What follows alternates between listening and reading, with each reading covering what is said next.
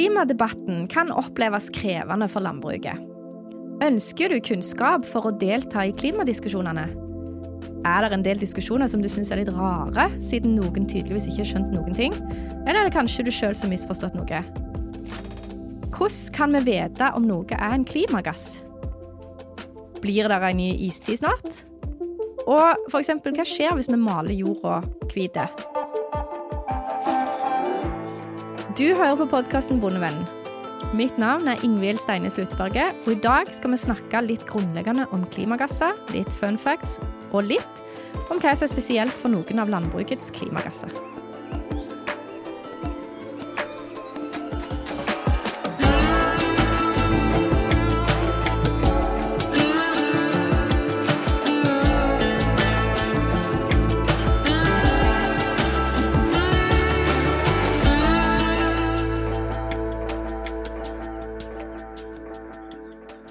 Landbruket har tre klimagasser. CO2, metan og lystgass. Nå hører du Magnus Haugland. At en del gasser har en isolerende effekt i atmosfæren, det har en visst siden 1800-tallet. Det betyr at jorda slipper inn sollys, men at varmen ikke slipper like godt ut fra atmosfæren. Som et godt gammeldags drivhus med glass på alle kanter. Og det er det vi kaller drivhuseffekten. Men nå øker mengden isolerende gasser i atmosfæren, og vi går fra et gammeldags glassdrivhus til et etter dagens standard med moderne isolerglass. Og da blir det varmere. Utfordringa på 1800-tallet var at en ikke så for seg at milliarder av mennesker skulle sette i gang med et storstilt forbrenning av kål og olje. Selv om vi kjente til klimagassene, så var det usikkerhet om hvor mye våre utslipp gjorde med innholdet av klimagasser i atmosfæren. Helt sikre på det var vi ikke før det kom skikkelige CO2-målinger på Hawaii i slutten av 50-tallet. Men hvordan vet en hva som er en drivhusgass? Til å svare på det så har vi snakka med Terje Koren Berntsen. Han er professor i meteorologi og oseanografi ved Universitetet i Oslo. Vi kan, vi, første omgang så kan vi jo bare rett og slett måle det. Vi kan putte det i et reagensglass, sende varmestråling med de bølgelengdene som er aktuelt, og se at det blir absorbert. Så det, det viser med en gang at, at, her har vi en mulighet for en drivhusgass.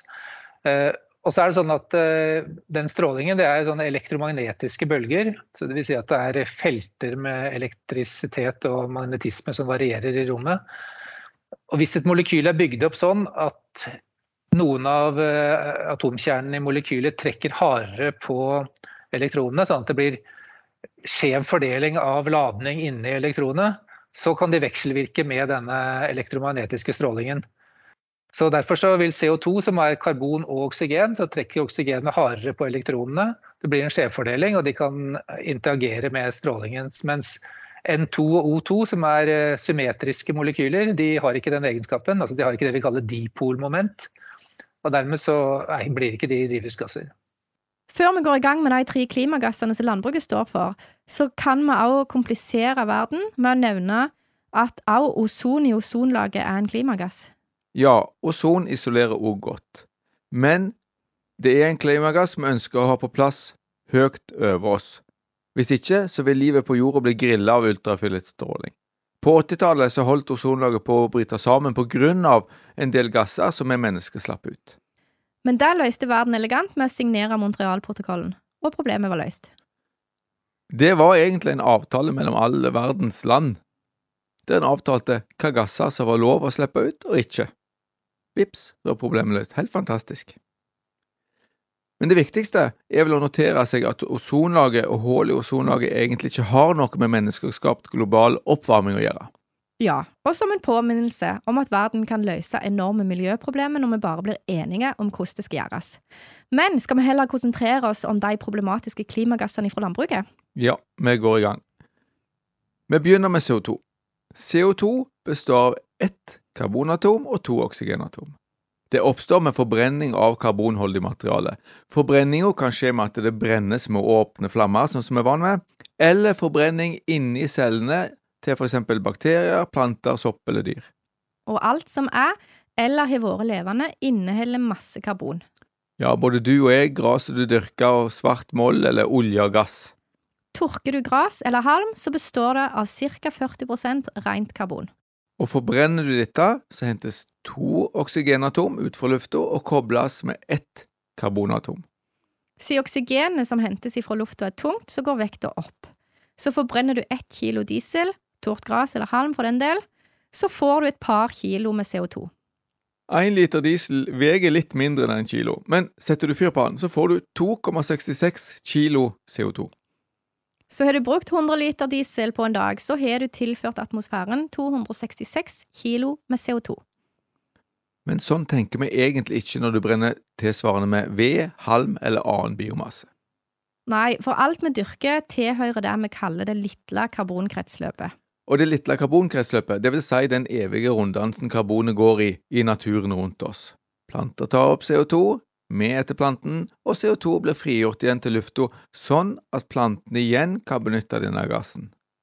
Problemene oppstår kun når vi tilfører ekstra karbon til dette som vi kaller lille karbonkretsløpet. Ved å brenne ting fra fossile kilder, så skulle vi lagre eh, karbon i nesten uendelig tid, eksempel i oljereservoarer. Derfor så er det hipp som happ for klimaet om halmen ligger på jorda og forbrennes av bakterier, eller om den brennes opp i et fyringsanlegg. Det gjør at det heller ikke er interessant hvor mye CO2 som blir fanget av avlingene våre, for dette blir frigjort innen et års tid uansett. Ja, for hvis vi skulle hatt noen eh, karbonlagringseffekt av avlingene vi tar, så måtte vi egentlig ha lagra rundballene til evig tid. Men store avlinger er likevel bra for klimaet av flere grunner. Men det kommer vi tilbake til i en annen klimaepisode. Mm. Svart jord inneholder enorme mengder karbon. Øker mengden karbon i jorda, så har vi fanga CO2, og minker mengden karbon i jorda, så har vi sluppet ut karbon, altså CO2, i atmosfæren. Den jordtypen som inneholder desidert mest karbon, altså har høyest mollinnhold, det er myrjord. Den består av dødt, gammelt plantemateriale som har ligget og lagra karbon i tusenvis av år. Når vi drenerer den myra, så slippes det inn luft, og den starter å forbrennes ved hjelp av mikroorganismer.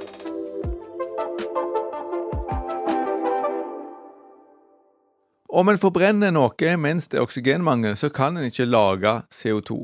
En brann vil dø ut om en eksempel legger et lokk oppå ei brennende gryte. Men levende organismer har løst problemet med oksygenmangel. Moser med frukt og legger i en lufttett beholder, så vil gjærsopp ete sukkeret og lage det om til alkohol. Men det må være lufttett, hvis ikke så råtner bare denne massen. Vi mennesker lager f.eks. melkesyre når vi mangler oksygen, f.eks. når vi springer fort opp en bakke og kjenner at det svir i musklene. Og det samme gjør en masse mikrober når vi ensilerer gress. Det er hele poenget med å pakke gress lufttett, sånn at melkesyrebakterier gir om sukker til melkesyre, og det blir dannet en sur silomasse. Gresset inneholder jo masse fiber. Dette kan ikke dyr bryte ned og forbrenne. Men det kan noen bakterier. Yes, og det er her drøvtyggerne er så geniale, for de er verdt for noen sånne mikroorganismer i vomma si, og de klarer å lage gode forhold for de bakteriene som bryter ned fiber av gress. Disse bakteriene de takler ikke de sure forholdene som er i silofor eller i, i, i rundballene dine. Og det er derfor vi ikke får nedbrytning og utslipp av metan når fôret ligger i siloen. Men når det kommer inn i vann, derimot Da øker pH, blant annet med at kua svelger store mengder spytt, og så lenge pH-en er i orden i vomma, så takler disse fibernedbryterne fint å jobbe uten oksygen inni vomma. Bakdelen med disse bakteriene som bryter ned fiber, er at når det ikke er oksygen, så lager de ikke melkesyre, og de lager ikke alkohol men de lager metan. Og det må jo drøvtyggerne kvitte seg med, med å rape det opp. Og metan er en klimagass, og mengden metan i atmosfæren den øker noe helt vanvittig for tida. Det er flere årsaker til at mengden metan øker i atmosfæren, men en av de er jo at mengden drøvtyggere har økt noe helt vanvittig de siste ti åra. Men ikke i Norge, vel å merke, men i resten av verden. Halvparten av verdens beboelige areal er nå rydda for skog og dyrka opp. Mesteparten av dette arealet går til å dyrke mat til husdyr. Og det gjør jo at flere og flere mennesker har mulighet til å ete godt og få i seg kjøtt og melk, ikke bare oss privilegerte. Og det er ikke lenger så vanlig at det er mange som må leve på hvit ris og vasskraut, men det kommer jo med en pris for klima. Metan er en veldig kraftig klimagass, faktisk over 100 ganger så sterk som CO2, men siden han lever veldig kort i atmosfæren, så regner han som 25 ganger så kraftig som CO2, altså 25 CO2-ekvivalenter. På folkemunne så heter det at metan lever tolv år i atmosfæren, mens andre hevder at metanmengden er halvert etter tolv år. Det er litt sånn unøyaktig. Eh, skal vi være litt nøyaktige, så er det sånn at nedbryting av gasser i atmosfæren det regner vi i e-folding-tid.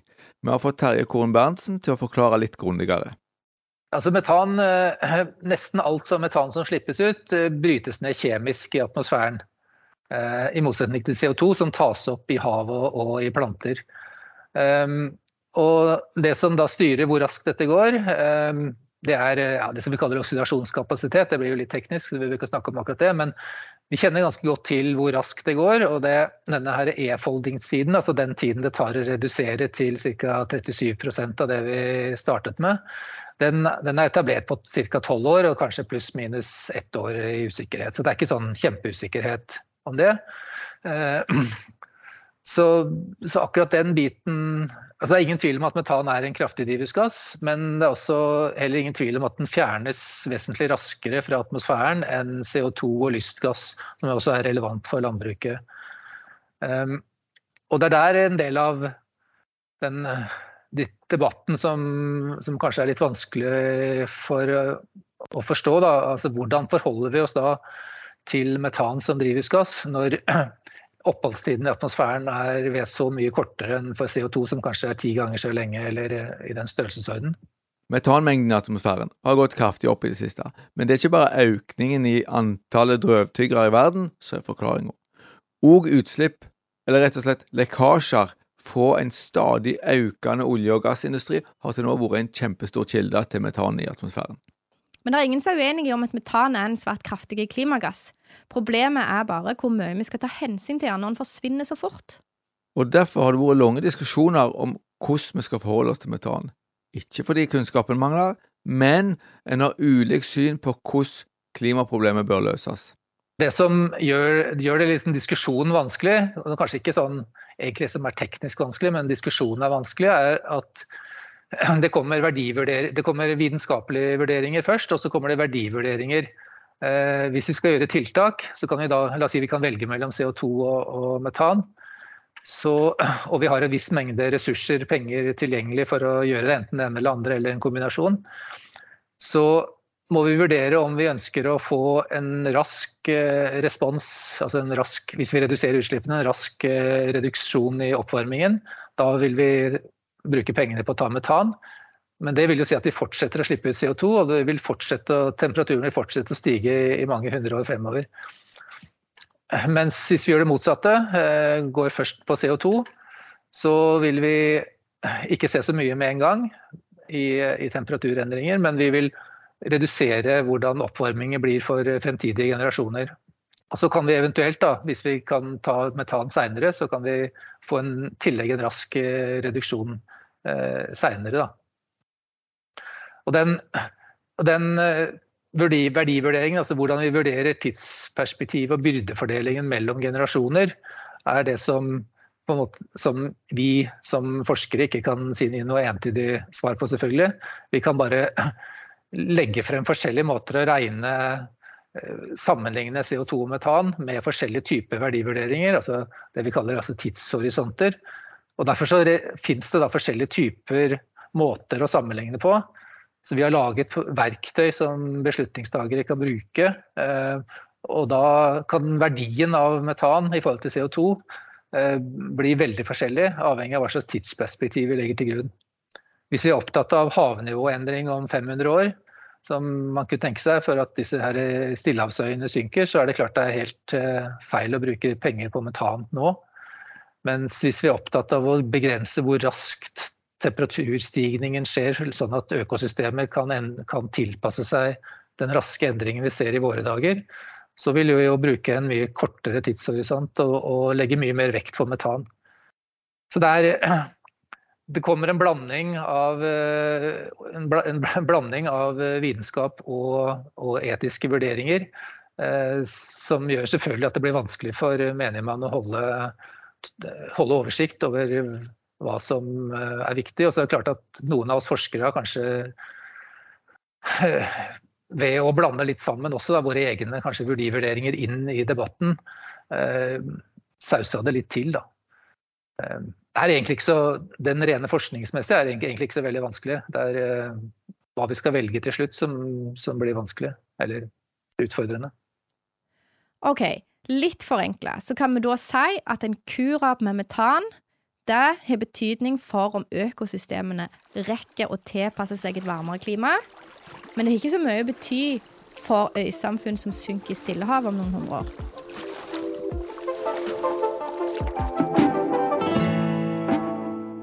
Denne episoden er sponsa av Felleskjøpet Rogaland Agder. Felleskjøpet arbeider hver dag for din lønnsomhet som bonde, og for lokal og norsk matproduksjon.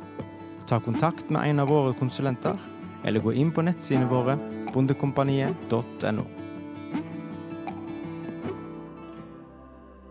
Landbruket står for utslipp av tre klimagasser.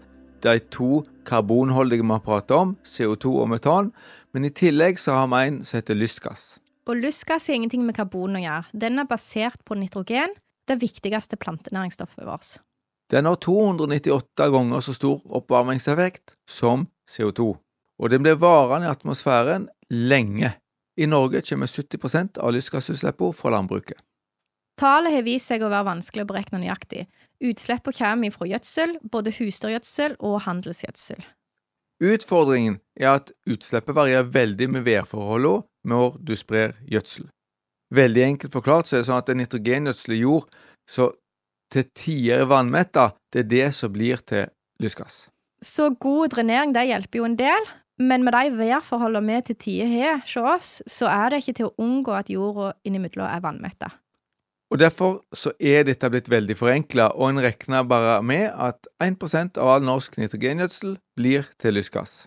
Og dette er uavhengig om det er handelsgjødsel eller husdyrgjødsel. Så gode tiltak som gjør at vi får mest mulig avling ut av gjødselen vi bruker, er gode klimatiltak på gården. Sånn som drenering, kalking og generelt god agronomi, så får vi mest mulig avling ut av den gjødselen vi faktisk tilfører. Og dette skal vi komme tilbake til i neste episode om klima. Hvis vi gjør et lite tankeeksperiment nå, hva hvis vi ikke hadde hatt noen klimagasser på jorda? Dette har vi spurt Terje Korn Berntsen om. Hvis vi ikke hadde hatt drivhusgasser eller eh, ikke skyer, altså skyer virker også som med drivhuseffekt. Så hvis vi ikke hadde hatt noe drivhuseffekt, så ville i utgangspunktet eh, klimaet blitt ca. 30 grader kaldere. Eh, men det, den beregningen forutsetter at refleksjonsevnen til jorda, altså hvor mye solstråling som blir reflektert, er det samme. Eh, og det vil jo selvfølgelig ikke være hvis det blir minus 18 grader i gjennomsnittstemperatur istedenfor pluss 15 som vi har i dag. Da vil jo havene fryse til og mer solstråling blir reflektert, og det vil bli enda kaldere. Så magefølelsen kanskje minus 50 grader kaldere enn, eller 50 grader kaldere enn det er i dag i sånn global gjennomsnittstemperatur. Så havene ville frosset til og ville få en sånn snøball, eh, snøballjord som vi, som vi faktisk har hatt langt tilbake i geologisk tid. Da. For mye og for lite kommer alt, og uten klimagasser så ville det blitt fryktelig kaldt her på jorda. Og det vil være selvforsterkende. Mye is og snø det vil gi en albedoeffekt altså at sollyset blir reflektert ut i verdensrommet igjen. Albedoeffekt er et vanskelig ord på noe som folk kjenner godt til i praksis. En hvite flate den blir ikke så oppvarmet av sola, men en svarte flate den blir fryktelig varm når den ligger i sola. Det er altså flere ting enn mengden klimagasser som påvirker temperaturen på jorda. Temperaturen på kloden den stiger fortere i Arktis enn resten av verden, fordi at det blir mindre hvit snø, og dermed varmere på grunn av at havet og land får en mørkere farge enn før. I norsk landbruk er dette brukt som et argument for beitedyr, fordi de heller nede mørke skog, sånn at landskapet blir kvitt av snø og reflekterer sola på vinteren. Men hvor mye det har av praktisk betydning, det må du høre mer om i neste episode. Yes. Effekten er vanskelig å beregne, men vi har spurt Berntsen hva det ville bety for klimaet om en eksempel maler jorda hvite. Hvis vi klarte å gjøre den helt hvit, eh, sånn at det ikke noe solstråling ble absorbert på bakken, eh, da vil vi få sitte igjen bare med absorpsjonen i, eh, i atmosfæren, som er ca. 20% av det som kommer inn fra sola. I dagens tilfelle er det 80, nei, 70% som blir absorbert, 30% blir reflektert ut.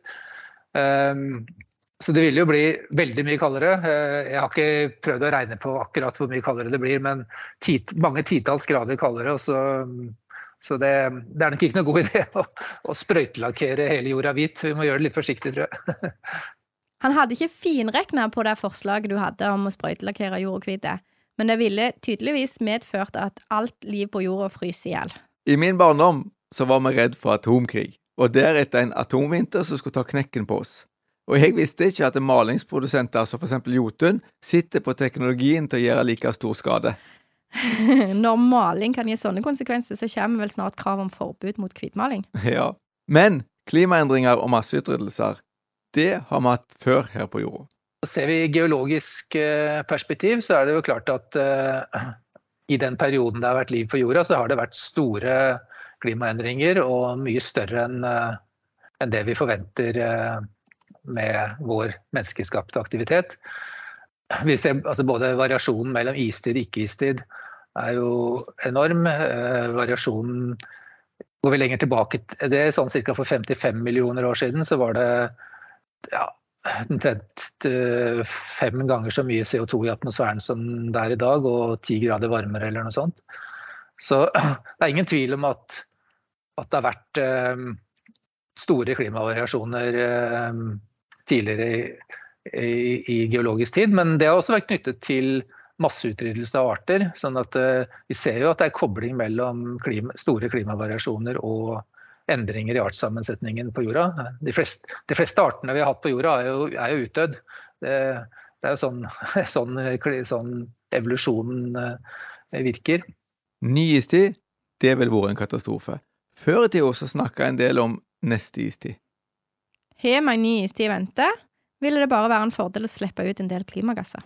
Da man begynte å forstå at eh, CO2 økte i atmosfæren og at det kunne bli varmere, så tenkte, trodde man samtidig at vi var på vei inn i ny istid, og at dette var helt utmerket. Og så de første 50 årene med klimalitteratur sier at dette er helt supert. Eh, så har vi forstått bedre hva som styrer overgangen mellom istid og ikke-istider.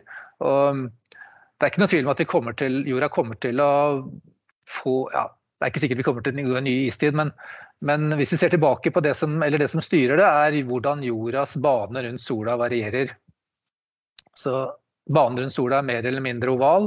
Den står sånn og varierer litt frem og tilbake. Jordaksen heller litt, litt eh, pluss-minus en grad eller to. Så polarsirkelen flytter seg litt frem og tilbake. Um, og når på året vi er nærmest sola, varierer også med noen 10 000 års eh, tidsskala. Og alt dette gjør at eh, noen perioder så får vi kaldere somre på nordlig halvkule. Eh, på nordlig halvkule har vi mye land, og dvs. Si at snøen kan bli liggende lenger om sommeren. Og det setter i gang Det øker albedoen, refleksjonsevnen. Og det gjør det kaldere neste sommer. Og så bygger det seg opp en, en stor iskappe. Så, vi, så, disse baneparameterne, som er oppkalt etter en, en astronom som heter Milankovic, det er det som vi er helt overbevist om at det er det som trigger eh, om det blir en istid eller ikke istid. Eh, eller om vi går ut eller inn av en istid. Eh, og så kan man se på, Siden det er tre sånne variasjoner da, rundt sola som har forskjellige perioder, så må disse her på en måte klaffe, de tre variasjonene, for å få dette kaldere somre på nordlig halvkule. Eh, og vanligvis så tar det en 15 000 år fra istiden går, forsvinner til vi kommer inn i en ny istid. Og sånn sett så er det 15 000 år omtrent siden forrige istid. så Derfor så trodde man at man bare med å se på statistikken at vi skulle gå inn i en ny istid. Men hvis man ser på disse detalj på disse parameterne, så regner vi med at det tar 50 000 år, for de kansellerer hverandre akkurat nå eller i de neste 1000 årene eller noe sånt. Sånn at det, det tar ca. 50 000 år før disse her liner seg opp igjen og vi får en, de forholdene som kunne trigge en ny istid. Og Så spørs det om det er hvor mye drivhusgasser er det i atmosfæren, om det er nok da, til, å, til å faktisk gi oss en ny istid, eller om det henger igjen, uh, henger igjen mye CO2 også på den tidsskalaen. Kanskje, Antakeligvis gjør det vel ikke det. da. Så, prognosen min er kanskje at om 50 000 år så så kommer det en ny global istid. Men det kommer ikke om 1000 år, det er vi ganske sikre på. Og ikke om ti år, i hvert fall. ok, istida kommer ikke. Men hva vet vi om framtidens klima, f.eks. på Vestlandet? Det blir mer om, mer og mer usikkert selvfølgelig når vi fokuserer inn på et lite område. Um, og på Vestlandet så er det jo av, været avhengig av også liksom lavtrykksbanene. Så hvis lavtrykksbanene endrer seg litt, så vil det ha stor effekt på, på det lokale eller regionale klimaet.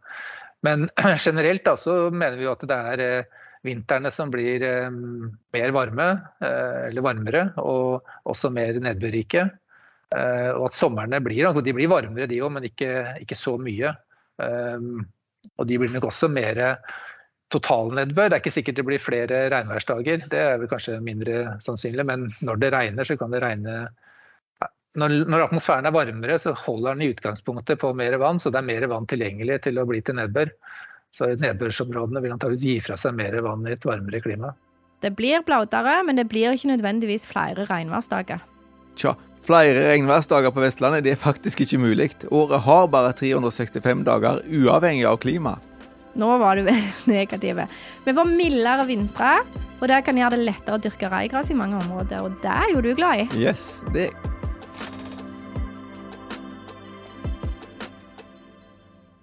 Dette var en kort innføring i klimagassene vi slipper ut fra landbruket. Vil du vite mer om hva du skal gjøre for å redusere utslippene fra egen gard? Følg med i neste episode om klima. Skal vi ta en kort oppsummering? Gjør det, du. Landbruket produserer tre klimagasser. CO2, metan og lystgass. CO2 får vi fra alt som vi forbrenner, om det er olje, diesel, halm eller jord. Metan kommer i jordbruket fra fordøyelsessystemet til drøvtyggere. Lystgass kommer fra gjødsel, spesielt når vi har pakka vannmetta jord. Metan er kortlivet sammenlignet med CO2 og lystgass, men pga. økende antall drøvtyggere i verden, og at metan er en kraftig klimagass, bidrar den veldig til økt oppvarming på kort sikt. Så når vi skal redde verden innen 2030, må vi òg fokusere på å redusere metanutslipp. Du har hørt podkasten Bondevenn. Mitt navn er Magnus Haugland, og jeg er til daglig lærer ved Vinterlandbruksskolen i Ryfylke og rådgiver i Norsk landbruksrådgivning Rogaland. Og jeg heter Ingvild Steines Luteberget, og til daglig er jeg rektor ved Vinterlandbruksskolen i Ryfylke. Hvis du har spørsmål eller tilbakemeldinger, så blir vi veldig glad for e-post på podkast.bondevenn.no. Episoden er spilt inn i ABC Studio i Etne. Lyd ved Stig Morten Sørheim. Takk for at du hørte på.